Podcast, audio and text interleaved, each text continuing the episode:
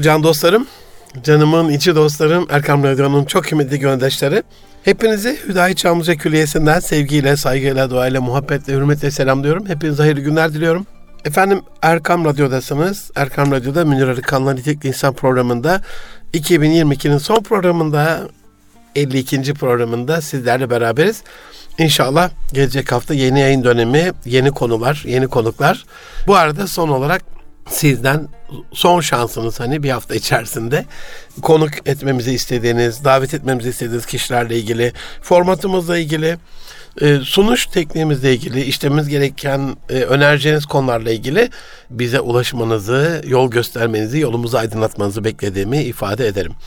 Can dostlarım birkaç haftadan beri görgüyü, nezaketi, zerafeti, iyiliği, güzelliği, hayrı hasenatı, toplumsal tertip düzeni, daha çok böyle bizim kadim medeniyetin emrettiği ama maalesef ihya etmeyi unuttuğumuz değerlerimizi bir taraftan da batıdan bize doğru gelmeye başlayan, bizden alıp batının kullanıp çok daha ihya ettiği güzellikleri sizlerle paylaşmaya e, devam ediyordum. İnşallah bu hafta sonlandırmış olacağız. 60. maddede kalmıştık biliyorsunuz. Mesela işi mesai saatinde bitirmek neden bizde olmaz? Hep böyle yurt dışında görürüz. Saat inanın 4'ten 5'ten sonra kimseyi bulamazsınız. Hatta yani Amerika'da 5'ten sonra yönetim kurulu başkanı olsanız sizi o plazaya almazlar. Güvenlik vardır, her şey kapalıdır, kapılar kapalıdır. Ha böyle shift dediğimiz vardiya usulüyle çalışan şirketler olabilir. Elbette onlar devam edebilir ama hani sabahleyin mesaiye başlamış bir insan bir de bize göre çok da erken başlıyorlar. Saat 6'da 7'de mesai 8'de 9'da 10'da 11'de imkansız. Neden biz bir iş planlaması yapamayız? Mesela neden planladığımız bir işi vaktinde bitiremeyiz? First Thing First kitabında Stephen Covey eğer bitimi için, işin bitimi için doğru bir nihai süre koyamazsanız iş kendisini zamana yayar der. İş haindir. Gerçekten kendisini zamana yayar. Yani siz şirketten saat kaçta çıkacağınızla ilgili bir zaman set etmediyseniz, tespit etmediyseniz bakarsanız saat 6 olmuş, 7 olmuş, 8 olmuş. Hala siz bir şeylerle uğraşıyorsunuz. Keşke böyle verimlilikle alakalı çalışan e, akademiler, enstitüler, Milli Produktivite Merkezi, bununla alakalı kafa yoran akademisyenler, birkaç doktora tezi hazırlamak isteyen eğitim gönüllüleri, acaba mesai saatinin sona ermesinden sonra şirkette kurumda geçirilen vakitlerin verimliliğe ne kadar katkısı etkisi olduğuyla alakalı keşke bir bilimsel çalışma yapsalar. Elde edilen bulgular, bu konuda yapılan çalışmalar özellikle yurt dışında o vakitlerin çok fazla verimli olmadığını söylüyor. Bir de hani çalıntı malla borç ödenmiyor. 61. maddede fazla mesainin her zaman söylediğim gibi bir insanlık hakkı ihlali olduğunu tekrarlamak isterim 60. maddede, 61. maddede. Neden biz kişisel, ailevi, sosyal, kurumsal, kask alan dediğimiz dört alanda e, her kutucuğa kendi hakkını, her yaşam alanına kendi hakkını vererek bu alanları adaletle yönetemeyiz. Neden mesela yurt dışında 4 günlük mesai hatta 3 artı 1 şu anda duyuyorum hibrit çalışma yöntemine göre 3 gün ofis bir gün hibrit. Tabii ki bu mavi yaka kardeşlerimiz için üretimin bir fiil orada olması gereken işletmeler için, fabrikalar için e, elbette mümkün olmayabilir. Ama en azından da onlarla alakalı mesai düzgün bir şekilde getirerek onların hayatında kendi benliklerini, kendi hobilerini, kendi sosyal hayatlarını geliştirmekle alakalı, eşlerine, çocuklarına yardımcı olmakla alakalı, bir fiil hayatı yaşamakla alakalı da bir hakları olduğunu tespit ederek eğer böyle bir şey yaparsak e, iş kendi vakti içerisinde bitecek ve bununla alakalı herhangi bir sıkıntı olmayacaktır. Aziz dostlarım mesela 62. maddede işçi hakkını tam olarak ödemekle alakalı neden hep iyi örnekler yurt dışında kafamı yorar? Müslüman iş adamlarımız hayır sanatlarını bollaştırıp dışarıya karşı yaptıkları iyiliği astronomik bir şekilde yaparken niye kendi işçilerine mikroskobik ölçüde yardım ederler? Neden kendi işçilerinden kısarlar? Benim kafamda hani 55 yaşındayım. Neredeyse hemen hemen 45 yılım iş hayatının içerisine geçti. Çıraklıktı, kalfalıktı, ustalıktı derken benim kafamda en fazla yerden sorulardan bir tanesi budur. Burada sakın şöyle bir şey düşünmeyin yani. Hocam Türkiye'nin şartları vesaire falan. Rabbimizin lütfuyla zahmetsiz bir şekilde bastığı topraktan doğal gaz, petrol fışkıran Arap kardeşlerimiz de işçiye minimum parayı veriyor. Minimumun da minimumunu veriyor hatta. Akdeniz neden Müslüman mezarlarına döndü can dostlarım? Müslümanlar neden batılı işverenlerin emrinde çalışmak için canlarını vermeyi göze alıyorlar? Çocuklarını kaybetmeyi göze alıyorlar. Allah korusun namuslarını kaybetmeyi göze alıyorlar. Eşleriyle beraber görüyorsunuz işte Yunanistan'da, İtalya'da, Fransa'da, Almanya'da. Almanya'da 35 bin yavrumuz kayıp şu anda göçmenlerin çocuklarına el koymuş durumdalar. Amerika neler olduğunu siz daha iyi görüyorsunuz. Neden biz onların standartında iş kuramıyoruz? Bunu çok düşünmemiz gerekiyor. Efendim kazanamıyorlar vesaire diyebilirsiniz ama o zaman neden Müslümanların servetleri milyar dolarlık hacimlere ulaşıyor? Neden hep onların kişisel serveti lehine artıyor kazanç? Neden asgari ücretle tutuyoruz çalışma saadatlarımızı? Allah Resulü'nün tavsiye ettiği asgari ücret midir? Bu sizce hakkaniyetli midir? Sizce kendi çocuklarınızın çalıştığı yerlerde minimumunda minimumunda bir yaşam tarzında çalışması gönlünüze hoş gelir mi? Hele hele bir de sadece o çocuğunuzun kazancına muhtaç olduğunuzu düşünseniz. Üstüne üstlük yani sosyal hakları, batı standartında maaşı, gerçek maaş üzerinden SGK'nın primlerin yatırılmasıyla alakalı kısma değinmiyorum bile. Hocam asıl cıngar orada kopuyor. Niye ona değinmiyorsun diyebilirsiniz. Ama onu sizin kendi o güzel gönlünüze bırakıyorum. Burada önemli olan şey Akdeniz'in bir Müslüman mezarlığına dönmemesi. Akdeniz'in Müslüman ülkelerden batıda çalışmak üzere can havliyle böyle kendimizi o azgın sulara attığımız bir yaşam alanına, savaş alanına daha doğrusu ölümle kalım arasındaki bir mücadeleye dönmemiş olması. Her patron, her iş adamı, e, her iş kuran kimse standartlarını buna göre yaptığında Müslümanlar çok daha fazla rahat edecektir. 63. maddede Yol boşken de gece yarısı kırmızı ışıkta beklemeyi neden biz hep yurt dışında görürüz? Bunu çok çok özür diliyorum kelimem için. Yani madem etraf boş hiç kimse yok bir kerizlik gibi görürüz bunu. Niye orada bekliyoruz? Standartlara, kurallara, kanunlara uymada neden zorlanıyoruz? Neden bu kuralın tespit edilmesinde hani e, içkide elbette bir takım faydalar olabilir. Ama bilelim ki zararları faydalarının çok çok çok üstünde. O zaman böyle hani bir kaşık sarhoş etmeyecek düzeyde aldık bize faydalı olacak diye herkes o düzeyde bunu kullansın mı? Hani bir kişi için o bir kaşığı tamam bu bir şey yapmaz belki de bir miktar fayda da vardır bunda diye söylediğimizde e, herkesin kendine göre standardı e, olacağı için ya bana da iki kaşık bir şey yapmıyor, bana da iki duble bir şey yapmıyor, bana da iki bardak kadeh bir şey yapmıyor derken iş standardından çıkmış olacak. Onun için standardı konmuş. Çoğu haram edenin azı da haram. Ve buna kesinlikle uymak zorundayız. Aa nasıl olsa azı haram etmiyor bakış açısı, azı sarhoş etmiyor bakış açısı. Aa nasıl olsa ben geceliğin kırmızı geçtiğimde hiçbir şey olmuyor bakış açısıyla aynı düzeydedir. Ya da geceliğin Aa, bak nasıl olsa etrafta hiç hiçbir şey yok. Işık yanıyor ama ben niye bunu bekleyeyim diye geçme bakış açısı çoğu haram edenin azından da ya bir şey olmaz birazcık içim mantığıyla aynısıdır. Onun için standartlara, kurallara uymakla alakalı en azından o kuralların geliştirilmesiyle alakalı bir katlımız, bir dahlimiz olur konuyla alakalı. Uygulandığı için veriler ona göre toplanır.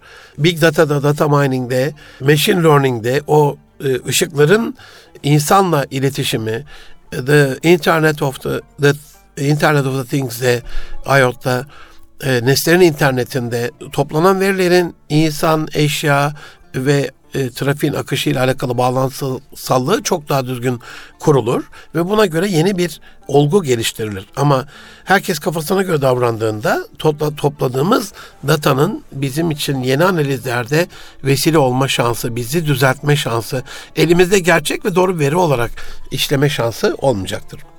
Can dostlarım 64. maddede niçin komşularımızla problem yaşarız? Komşularımıza bir selamı esirgeriz, bir tebessümü esirgeriz. Bunu hani mikro ve makro ölçekte de söylüyorum. Mikro ölçekte apartmanda, kapı komşumuzda, yan mahalleyle, yan okulla, yan yan sınıfla komşuluk. Avrupa Birliği'nde mesela serbest dolaşım var. Niçin Müslüman ülkeler bunu başaramaz?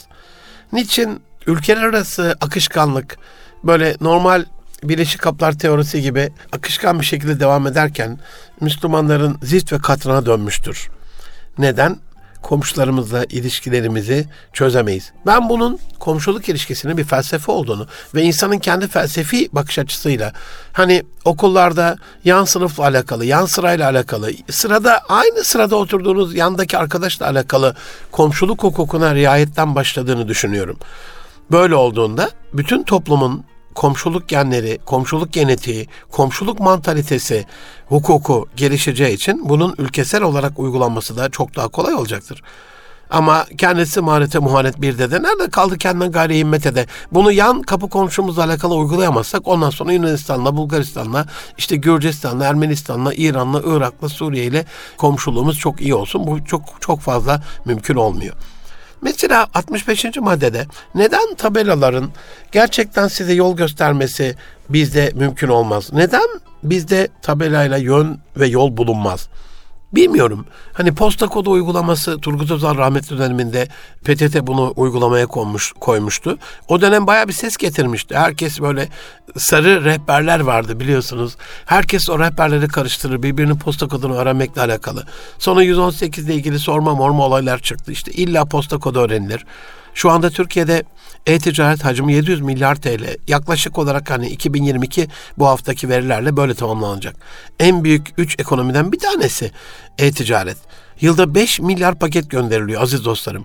Bu neredeyse günlük 14 milyon paket demek. Burada %10'luk bir adres sorununun yaşandığını düşünürseniz tabelaların gerçek e, yolu göstermemesiyle alakalı, adres sisteminin olmamasıyla alakalı yani bu %10'luk bir sorunun ekonomiye verdiği zararı bir düşünün kaynakları heba etmiş oluyoruz. Hem de büyük mega kaynakları. Ben Deniz bu konuyla alakalı acizane 2004 yılında Gebze'den Çorlu'ya kadar tüm tabelaları bir arkadaşımla tek tek dolaşarak, resimleyerek, fotoğraflayarak belli bir mantıkla kodladım. Bunu karayollarına belediyelere önerdim. Ama maalesef yani burada maalesef demem gerekiyor. İkna etmem çok kolay olmadı. Hani ben düşünce koçuyum deyince arkadaşlar anlattığım yerlerde çok böyle gıpta ediyorlar. Ya Allah razı olsun hocam ne kadar güzel bir şey. Demek ki siz düşünen bir insansınız. Düşünen ama düşünceleriyle karşı tarafta değişiklik meydana getiremeyen gariban bir kardeşinizim. Yani sistemi şöyle anlatayım size. Normalde projelerimle alakalı birebir de kime anlatsam Allah razı olsun hocam diyor. Muhteşem bir şey diyor. Ama hangi yetkiliyi anlatsam burun kıvırıyor. Bunu da anlamış değilim yani. Mesela İstanbul için 5 haneli bir kod sistemi var. Mesela 34.560 diyelim. Başakşehir tabelası sizce kaç tane yerde vardır? Yani ben Başakşehir'de 22 yıldan beri Başakşehir'de oturan bir kardeşim İstanbul Başakşehir'de yeni ilçe olan daha evvel yarısı Bağcılar yarısı Küçükçekmece Belediyesi'ne ait olan bir yer. Kafa karışıklığı çok daha fazlaydı. Ama hadi şu anda ayrıyeten münasıran bir belediye oldu. Bağımsız belediye oldu. 15-20 tane Başakşehir tabelası var aziz dostlarım. Üçüncü köprüden gelirken, ikinci köprüden gelirken, birinci köprüden gelirken yani bir sürü Başakşehir tabelası var. Siz düşünün 34.560 sizin hedefiniz. 34.560 Başakşehir'den gireceksiniz ve bir taksiciyle yolda gidiyorsunuz. 34.500 34.530, 34.540, 34.550, 51, 52, 53 bak geliyor.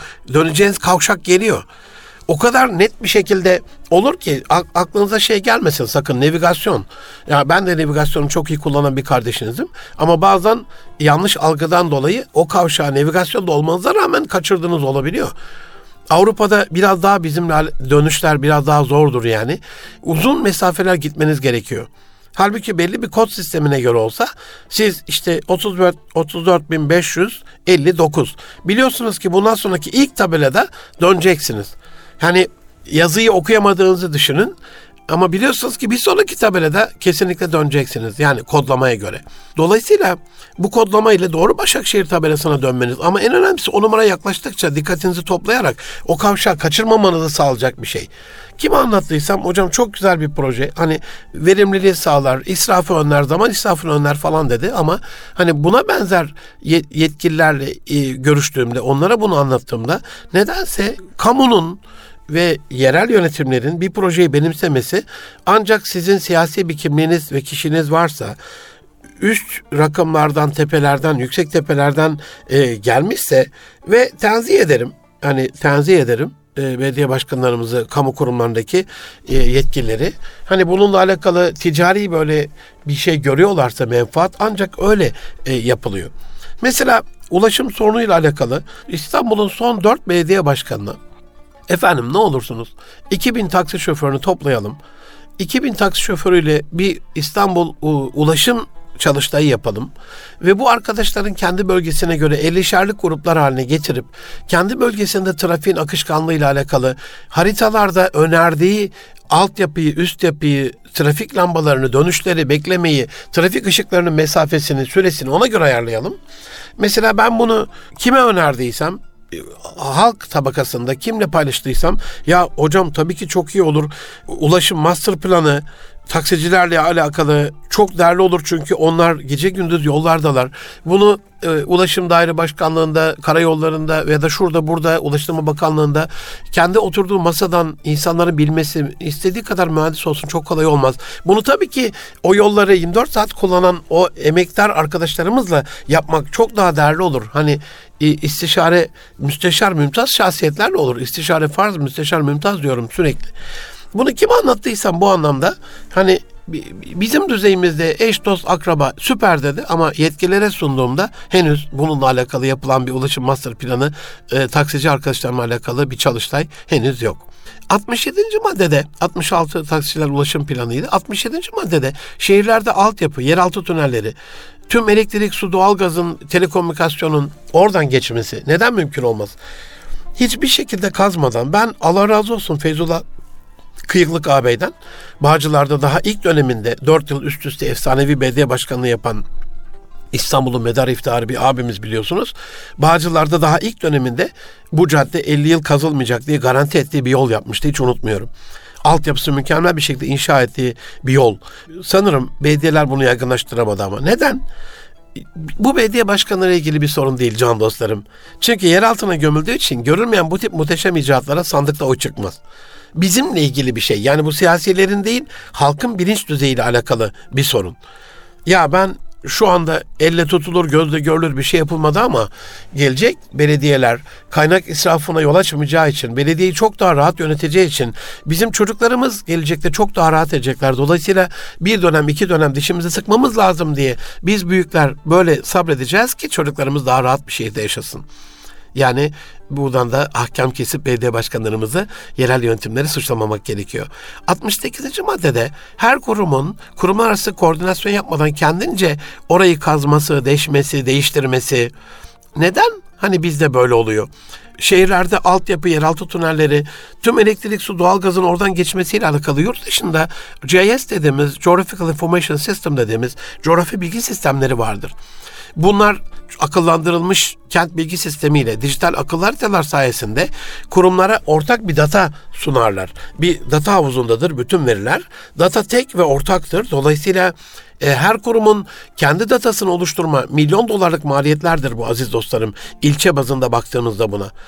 Yani onlarca ilçenin olduğu bir şehirde düşünün. Büyük şehire de, ilçe belediyelerine de, oradaki askere, polise, yargıya, doğalgaz kurumuna, su kurumuna, atık su kurumuna, e, telekomünikasyon kurumuna ayrı ayrı bir e, maliyettir bu. Dolayısıyla onun güncellenmesiyle alakalı. Güncelleme daha hızlı olur. Kurumların maliyeti, kurumlara olan maliyeti çok daha az olur. Güvenilirliği en mükemmel olur. E, hani neden böyle bir ortak bilgi havuzundan kullanılmaz diye çok merak ediyorum. Mesela 69. maddede neden ortak faturaya geçilmez? Bunu yıllardan beri öneririm. 2000 yılından beri öneririm. Yani bir kuruma düşünün aziz dostlarım. Neden evimizde mesela elektrik kullanıyoruz, su kullanıyoruz, telefon kullanıyoruz, doğalgaz kullanıyoruz, atık suyla alakalı bir bedel ödüyoruz. Farklı aboneliklerimiz var değil mi? Televizyonla alakalı. Dolayısıyla bir eve nereden baksanız 6-7 fatura geliyordur. Faturaların dağıtımını düşünün. Birçoğu şimdi e-mail ile geliyor, SMS de geliyor, dijital olarak geliyor. Bazı otomatik ödemede ama yine görüyorum posta kutularında siz de görüyorsunuzdur apartmanın girişinde. Onlarca yığın yığın hem kağıt israfı, kağıttan daha önemlisi onun dağıtımıyla alakalı karbon ayak izimizi bir düşünün. Neden mesela tek sayfalık bir fatura gelmez? Sonucunda o kişinin üzerine olan o konuma ait o daireye ait aboneliğin kümülatif değeri diyelim öde, ödediğiniz rakam işte 1000 lira olsun, 2000 lira olsun, 3000 lira, 5000 lira olsun. Hani toplam ödüyorsanız tek kalemde hepsini ödemiş oluyorsunuz. Ama o ortak data havuzundan kurumlar kendi şeylerini çekiyor. Neden böyle bir şey olmaz mesela? Kurumlar bu konuda bir ortak muhasebe sistemi kuramazlar. İnanın o kadar kolaylaştıracaktır ki ödemeleri. Hem bankaların bizlerle alakalı kestiği o her ödemede belli bir şekilde ödemek zorunda kaldığımız 2 lira 3 liralar hesaplarsanız yıl sonunda milyarlarca lira oluyor. Hem Fuzuli'den böyle bir şey hane halkı ödememiş olacak. Bilmiyorum. Hani kısa kısa geçmek istiyorum. Bugün en azından bitirmek istiyorum. Mesela 70. maddede yeterli metro neden kurumlarımızda, şehirlerimizde, bölgelerimizde olmaz? 100 sene evvel Ruslar düşünmüş, 120 sene evvel İngilizler düşünmüş, 130 sene evvel Amerikalılar düşünmüş. Neden? Mesela Londra'da bir şey vardır. As easy as walking through the park, walking in the park ya da crossing from a park. Yani biz hani tereyağından kıl çekmek kadar kolay dediğimiz şeylerde onlar hani bir parktan geçmek kadar kolay parklarını çok güzel yapmışlardır ama metrolarda hani bu atasözüne layık olurcasına hani bir yere gitmek istiyorsanız metro ile ulaşacak kadar kolaydır. Her yer yoldan karşıdan karşıya gitmek için bile hani aşağı inseniz çok güzel bir şekilde bir bir park bir geçiş bir metro geçişi görebilirsiniz onunla alakalı. Onun için verimlilik mi? Evet verimlilik. Kolaylık mı? Kolaylık. Zamanla alakalı bir şey mi? Kesinlikle. E peki neden yapamayız? Az evvel söylediğim gibi hani vatandaşların nezdinde gelecek kuşaklarla alakalı şu anda bir şey görmek istediği için maalesef geleceğe yatırım yapmamış oluyoruz. Can dostlarım 71. maddede neden mesela kılık kıyafete önem vermemek bizde de olmaz? Kasmamak, rahat giyinmek mesela. Yani Hırvatlardan aldığımız kravatı bir mecburi kıyafet olarak gerçekten takmak zorunda mıyız yani? Birkaç tane dünya çapında kardiyologdan bizzat dinlemişliğim var. Hani elinizi baş parmağınızla ve orta parmağınızla iki parmak yapıp sağ ve sol boynunuza dokunduğunuzda elinizin tersiyle iki tane şah damara dokunmuş oluyorsunuz. Kalpten çıkıp beyni besleyen biliyorsunuz yüzde altmışını yetmişini beyin kullanıyor kanın. Bir kere o şah damarları sıkmış oluyorsunuz gömleğin yakasını bağladığınızda bir de kravatla onu sıktığınızda üstüne de ceketi yapıştırdığınızda aziz dostlarım boğaza bir bası geliyor, bir baskı geliyor. İki türlü zararı var. Bir, eğer sakalında çok özür diliyorum kelimelerim için kıl dönmesi riski olan, sakalı ters çıkan arkadaşlarımız varsa gömleğin o yakası onu tahriş edeceği için sürekli boyun problemleri, bu boyun problemleri kıl dönmesinin o sert bir yere çarptığında gömlek yakasında orayı kanatması riski sizin bunun farkına varmamanız bakın abdestiniz gidiyor. Belki namazınız fesada gidiyor. Böyle bir riski var. Ama çok daha önemli bir riski. Tabii ki namaz dinin direği en önemlisi odur ama sağlık sağlık yoksa namaz da olmayacak. Beyinde kireçlenmeyle sonuçlanan beyne daha az oksijen gitmesi, kan dolaşımının bozulması, kalbin yorulmasıyla alakalı kardiyovasküler sistemimizin dumura uğramasıyla alakalı bir şey. Neden ben bunu bilimsel olarak anlattığımda mesela ya tamam arkadaş bundan sonra mecbur değil. Biraz sendikalar bunu hafifletti. Mecburi standart olmaktan belki de çıktı ama bakıyorsunuz yüzde doksanı kamu kurumlarında hala yine zorunluymuşçasına kravatla devam ediyor. Babam rahmetli e, üstadı, hocası Muhammed Hamidullah üstadımızı anlatırdı. Hani başına kese, kese kağıt geçir yağmurdan ıslanmamak için derse öyle gelirmiş. Bazen bir bisiklet kullanmış, bazen yürüyerek Bazen o zaman trolleybuslar varmış İstanbul'da. Onlara biner gelirmiş. Özel araç nerede zaten hak getire. Ama biraz basit ve sade yaşamak gerekiyor hayatı. 72. maddede neden biz Müslümanlar Allah Resulü'nün kalkınca ilk yaptığı şey biliyor musunuz ne olduğunu? Elbette biliyorsunuz. Misvakla dişini fırçalamak değil mi? Hani nedenmiş diş sağlığına, temizliğine? Hani ümmetimin zoruna gitmeyeceğini bilsem, metinle alakalı yüzde yüz e, doğrusu olmayabilir aziz dostlarım. Hani bir yere bakarak okumuyorum bunu o anlamda affınıza istirham ediyorum. Ama hatırladığım kadarıyla söylüyorum. Lütfen bakın buna hadis-i şerif metninin tamamına. Yani ümmetimin zoruna gideceğini bilmeseydim her namazdan önce misvaklam, dişlerini misvaklamalarını emrederdim gibi böyle bir hadis-i şerif hatırlıyorum bu mealde. Dolayısıyla bunca önem verilen bir şey. E biz şimdi dişçilerimiz, ehli namus dişçilerimiz anlatıyorlar. Diş sağlığı iletişimle alakalı önemli. Ağız kokusu ile ilgili önemli. Ağız kokusu meleklerin bize yakınlaşması, yakınlaşmaması ile alakalı önemli. Hani insanların iğrendiğinden melekler de iğrenir buyuruyor. İnsanların hoşuna gitmeyen şeyler meleklerin de hoşuna gitmez buyruluyor. Dolayısıyla hani bir, bir sarımsak soğan yediğimizde de mi camilerimize, mescitlerimize yaklaşmasın buyuruyor. Sizden biri böyle bir şey yediğinde Allah Resulü. Dolayısıyla hani meleklerin bizde yakınlığıyla alakalı, ağzı kokulu, dişi böyle çürük, verimlilikle alakalı, iş kaybı oluyor yani düşünün. Sürekli izin almak zorundasınız, gitmek zorundasınız. Bakıyorum Milli Eğitim Bakanlığı'nın dişe dokunur bir milli seferberliği yok. Sonuçta millet olarak her hepimizin yüzde 86 dişimiz çürük. Milli ekonomi yükü büyüdükçe çok daha ağır oluyor. Yani küçük yaşlarda nasıl olsa süt diş dökülüyor, gerçek dişler geliyor diye düşünebilirsiniz. Bundan 60 yıl evvel Almanlar geldiğinde güçlü kuvvetli e, işçilerimizi sirkeci tren garında seçerek götürdüklerinde ilk baktıkları şeyin diş olduğunu biliyor muydunuz? Hani neden buna batı önem verir biz vermeyiz? Her şeyimizi etkiliyor. Sindirimi etkiliyor, kalp, damar sağlığını etkiliyor, böbreği etkiliyor, genetiğimizi etkiliyor. Doğacak çocuklarımızın kalitesini, genetik kalitesini etkileyen bir şey. Diş sağlığı ve temizliği her şeyi etkiliyor aziz dostlarım. Sindirim ağızda başlıyor bir kere biliyorsunuz yani. Orada düzgün değilse, iyi çiğnenemiyorsa hazımla alakalı problemler başlıyor. Düşünün.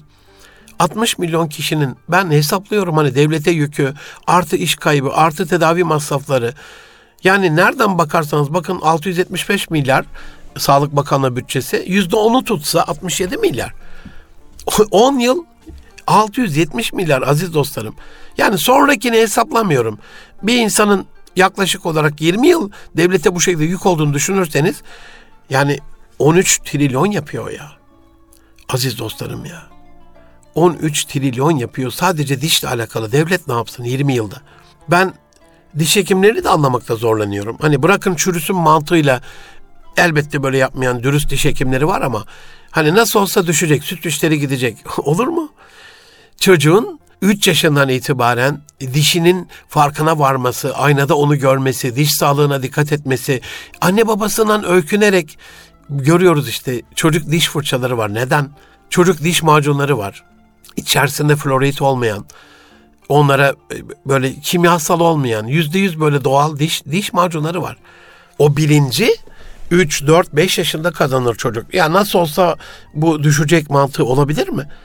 Süt dişleri döneminde böyle dişe değer, dişe dokunur böyle bir sağlık bilincini, diş sağlığı bilincini artıran çalışmalar yapsak, bu döneme özel projeler gerçekleştirsek herhalde her şehrimizin, her ilçemizin girişinde o büyük büyük kallavi diş merkezlerinden kurtulmuş oluruz diye düşünüyorum. 73. maddede sokakların ve şehirlerin temizliği neden dünyaya nam salmış kadim İslam medeniyetinin temizliği, zerafeti, nezaketi, tertibi, düzeni, tarih olup gitmiş ve şu anda biz bunu sadece batıda görüyoruz. Temizlik deyince Japonya geliyor aklımıza, Kore geliyor, Singapur geliyor. Temizlik deyince neden aklımıza bizim şehirlerimiz gelmiyor mesela?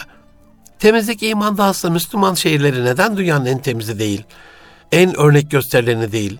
Bir de şöyle bir şey var. Hani buna ne kadar önem veriyorsanız temizlikle alakalı enstrümanları, ekipmanları, araç gereç siz buluyorsunuz. Şu anda bakıyoruz ve hep ithal mallarla temizlik yapılıyor. İsveç Kraliyet ailesinin geliştirdiği bir temizlik bezi var, mikrofiber. İtalyanların geliştirdiği araçlar var. Almanların geliştirdiği e, kamyonlar var. Amerikalıların geliştirdiği sokak yıkama şeyleri var. Var da var. Bizim buna önem vererek en azından çocuklarımıza, üniversitelerimize inovasyonla alakalı hedefler verip ya biz şehirlerimizi bizim ürettiğimiz makine teçhizatla temizleyelim mantığını geliştirmemiz daha iyi değil midir? 74. maddede can dostlarım, canımın içi dostlarım neden bizim umumi tuvaletlerimiz girilmez durumda? Neden batı standartında tertemiz, hijyenik, sağlıklı e, WC'lerimiz yok? Hani bizde yok derken hani bizdeki beş yıldızlı otellerde var onların veceleri temizken dışarı çıktığınızda bu ülkenin tuvaletleri en pise dönüyor. Neden? Abdest alacağımız hijyenik yerler yok. Eşlerimizle, kızlarımızla alakalı bir çarşı pazara çıktığımızda onların rahatlıkla abdest alabileceği yerler düzgün değil, temiz değil, hijyenik değil. Onlar biraz daha böyle hani buna önem verdiği için neden yani iğrenerek böyle bir e, zarif ve nazik abdest alma vecibesini, ibadetini yerine getirmek zorunda kalıyoruz.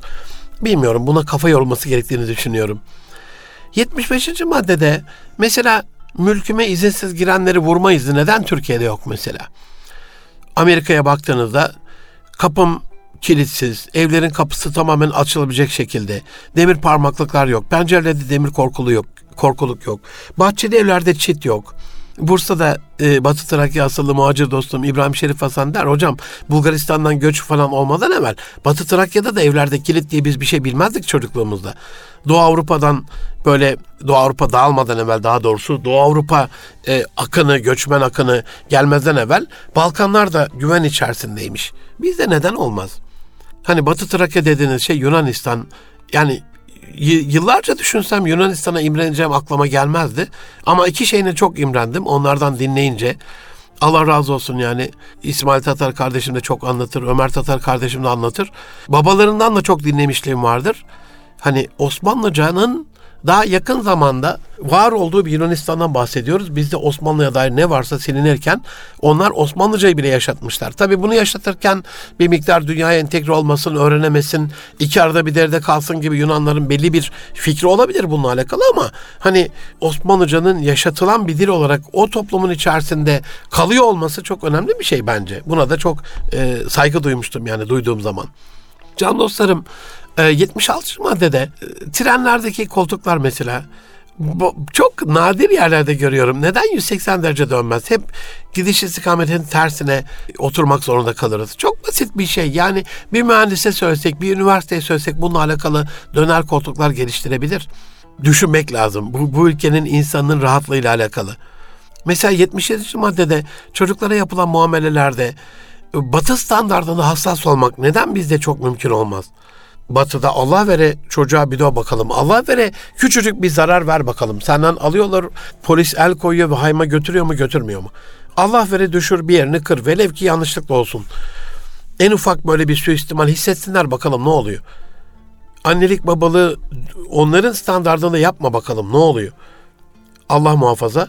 Hani burada da aldıklarında görüyorsunuz sapkın LGBT bireylerine veriyorlar bir yürek acısı yani ben 20-30 yıl evvel bunu anlatıyordum. Yakında gelecekler, alacaklar, ne olursunuz agah mütenebbi olun, farkına varın. Ya hocam nasıl alacaklar falan deniyordu. Şimdi ne olduğunu görüyoruz. Geldik 78. maddeye can dostlarım. Söylerken haya ediyorum. Bunu defalarca dile getirmekten utanıyorum.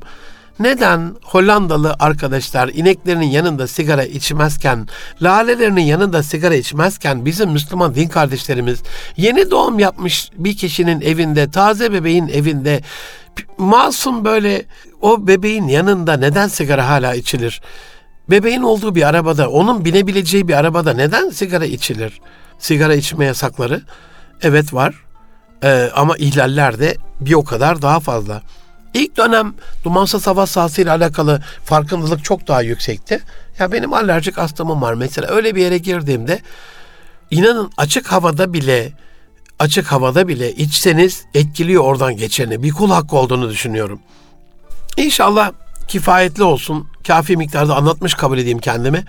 Bununla alakalı ama bir kul hakkı olduğunu, vebal olduğunu, genetik kaliteyi bozan bir unsur olduğunu, kansere sebep olan bir şey olduğunu anlatarak iktifa edeyim. 79. maddede aziz dostlarım neden köpeklerini gezdirmekle alakalı, kedilerini dışarıya çıkarmakla alakalı, hayvan haklarına hassasiyetleri itibariyle batıdaki arkadaşlarımız bizden daha hassas. Ya hocam onlar insanlara neler yapıyorlar diyebilirsiniz. O, aşk, o başka, o başka.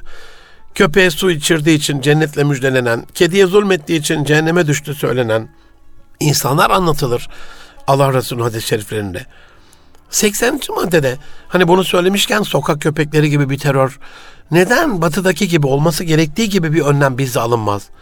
İlla Cumhurbaşkanımız mı çözmeli her konuyu? Neden kurumlar belli bir koordinasyon ile bu durumu çözmez? Onca vatandaşımızın hayatını kaybettiği, onca masum yavrumuzun köpeklerce paramparça edildiği, onca yavrumuzun köpek saldırılan kaçarken arabaların altında ezilip can verdiği belediyelerde, bölgelerde Allah aşkına lütfen bir düşünün. Bir düşünce koç olarak sizi düşünceye davet ediyorum can dostlarım. O vefat edenler devletimizin üst düzey görevlilerinin evlatları olsa, o belediye sınırları içerisinde belediye başkanları, kurumlar o önlemi almadığı için vefat etmiş olsa, o belediyeler bu soruna çözüm bulmak için hala bekler miydi sizce? Mesela neden kurumlar bir köpek savar sprey önermez? Bunu öğrencilere dağıtmaz. Küçük yavrularımıza bir köpek savar düdük önerilmez. Bir köpek savar elektrikli çubuk önerilmez. Bir ara hatırlıyorum 2020'deydi galiba 2019 ya da 20'de PTT Genel Müdürlüğü'nün dağıtıcı personel için böyle 40 bin adet kedi köpek kovucu ultrasonik cihaz satın alıp PTT Genel Müdürlüğü dağıtmıştı. İşte hayvan Hakları Koruma Kanunu'na göre kullanım yasak olan şeyler diye Hayvan Hakları Koruma Dernekleri harekete geçiyor. Peki insan haklarını koruma dernekleri neden harekete geçmiyor? Ölelim, parçalanalım, paramparça olalım, yok mu olalım? Büyük bir sorun. Ben bunun yaklaşan seçimlerde de sandığı etkileyecek bir terör olduğunu ifade etmekle geçeyim. 81. maddede şehir planlaması neden bizde yapılmaz batıdaki gibi? Aziz dostlarım Başakşehir'de oturuyorum. Bir kilometre ilerimde Kayaşehir girişi Kayaşehir girişinde daracık iki şerit bir yolun sağ ve soluna altı tane okula izin veren mantaliteyi, aklı, zekayı ben gerçekten çok merak ediyorum. Ya da Bayrampaşa otogarı yanına, o büyük marketin olduğu yere, otogarın hemen yan tarafına, biraz üst kısmı biliyorsunuz.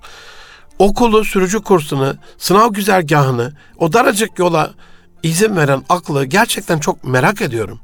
Hiç mi şehir planlaması okumadınız arkadaş? Hiç mi bununla alakalı bir uzmanınız yok? 80, 82. madde oydu. 83. maddede Almanya'da mesela Batı'da Amerika'da fark etmez bir restoran ruhsatı alacaksınız. Park yerine bakılır mutlaka. Kaç masa koyabilirsin, kaç koltuk koyabilirsin, ne kadar orada müşteri ağırlayabilirsin. Bizde neden bu planlama yapılmaz? 84. maddede çok kısa geçeceğim.